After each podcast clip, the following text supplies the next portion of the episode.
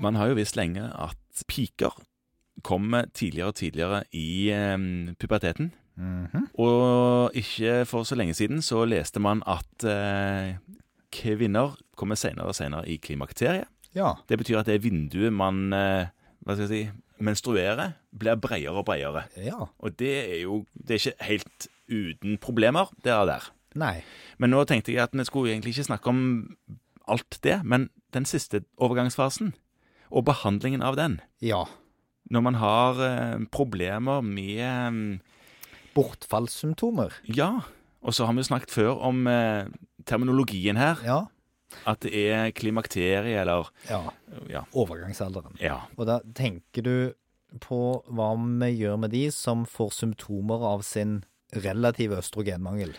Ja, det er det jeg tenker på. Da tenker jeg ikke først og fremst egentlig sånn prevensjon, fordi der er det jo vist at eh, den spiralen som har lagt inne i fem år, den kan bare fortsette å ligge, så er det ofte prevensjon godt nok. Ja, men en del har jo betydelige plager med overgangsalder i form av hetetokter og humørsvingninger og tørre slimhinner og infeksjoner, det ene og det andre, trenger noe hjelp. Og da tenker jeg kanskje man først skal snakke om Altså, det går an å behandle lokalt, Ja.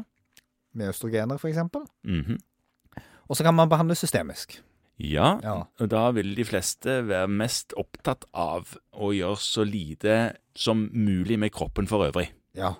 Altså lokalbehandling. Og det er et fint sted å begynne. Men du behandler ikke så mye hetetokter med å gi stikkpiller til vagina. Veldig lite. Ja. Eh, Sånn at for veldig mange så er det egentlig systemisk behandling som er aktuelt. Og da er det sånn at det er østrogen som mangler. Ja, Så i stor grad så er det østrogen man prøver å tilføre. det er sant. Og, og det kan man jo gjøre med sykliske preparater eller faste kombinasjoner. Alternativene der er at man kan gi gestagen alene. Ja, det er ikke østrogen. Nei, sånn for på en måte å stabilisere litt. Det er på en måte hos de som fortsatt har eh, noen blødninger. Ja, så de fortsatt småblør Ja. i ny og ne. Mm. -hmm.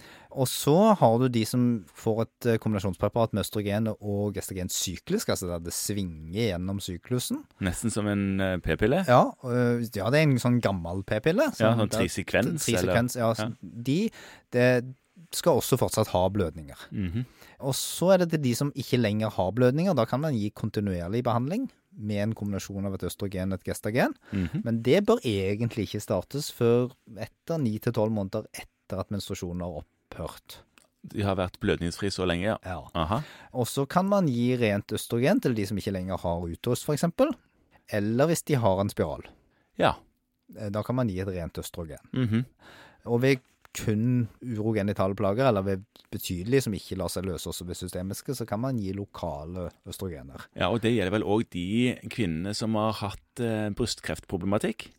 Ja, nå- kommer vi til det, da. For oh, ja. det, da er det jo de som ikke skal ha noe. Ja. Ja, Og det er jo f.eks. ved brystkreft. Ja. Og da er substitusjonsbehandlingen relativt kontraindisert, men det er god erfaring med at lokal behandling det gir så liten systemisk påvirkning at det går bra. Ja. Nå er ikke det sånn at brystkreft i familien er en kontraindikasjon, men det å ha hatt brystkreft er absolutt en kontraindikasjon. For systemisk østrogenbehandling. For systemisk østrogen. Mhm. Eh, Det samme er tidligere eh, DVT. Da øker faren for tromboembolisme ganske mye, sånn at det er mm, relativt kontraindisert. Det må du, det må du iallfall tenke på. Ja. Ja. Det som ser ut som er trygt, er det som kalles for transdermal behandling, altså lokalbehandling eller østrogenplasteret. Ja, Det ser ut til å være trygt. greit. Og så er det en diskusjon rundt dette med hjerte-karsykdom. Fordi at hos kvinner med kjent koronar hjertesykdom, så var forekomsten av sykdom lik i begge gruppene. Så det ser ikke ut til å være farlig. Altså, de kan få. Ja. Ja. Eh, det ser heller ikke ut altså Nå har man jo tenkt at østrogen kanskje kan virke litt beskyttende, men det ser ikke ut til å beskytte postmenopausalt å gi østrogentilskudd. Sånn at det man skal huske på, er altså brystkreft og DVT. Ja. Da er man ikke gi uh, systemiske østrogener. Nei. OK, men uh, ellers så er det relativt fritt fram for å prøve å se om dette kan dempe plager med overgangsalder. Ja. Ja. Uh, men så finnes det jo noen alternativer, da. Forsøk på behandling for de som ikke kan ta østrogen. Mhm. og de er ikke spesielt gode. Nei, men uh, hva er det, da? Altså Katapresan og sånt? Ja, det har du hørt om. Ja. Ja, Det er jo nå avregistrert. ja, Ja. sant? Så det, Det funker ikke.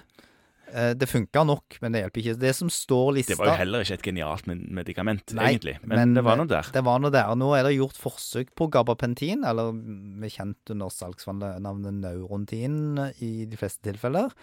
Har vært befengt med en del bivirkninger. Eh, Og så er det gjort noen studier på SSRI og SNRI. Mhm. Men eh, det er nok relativt stor usikkerhet om virkningen av det. Men da har du iallfall noen alternativer i tilfelle Ja. plagene er så store at du bare må gjøre noe. Og så er det òg da gjort forsøk om annen behandling som akupunktur og yoga og sånn type ting. Ja, men altså, er det ikke sånn da at hvis du holder på med hva som helst lenge nok, så gir jo dette seg? Ja, det har du helt rett i. Og det, det må på en måte bare si at det har ikke vist tilstrekkelig effekt til at det kan anbefales. Nei, ok. Eh, Nå er det nok helt ufarlig å prøve den typen ting, Mm. så for all del, og det går jo over. Eh, Men det kan vare lenge, da. Ja, det kan det. Ja. Og det er jo veldig plagsomt, har jeg Ja. hørt. Det fremstår sånn.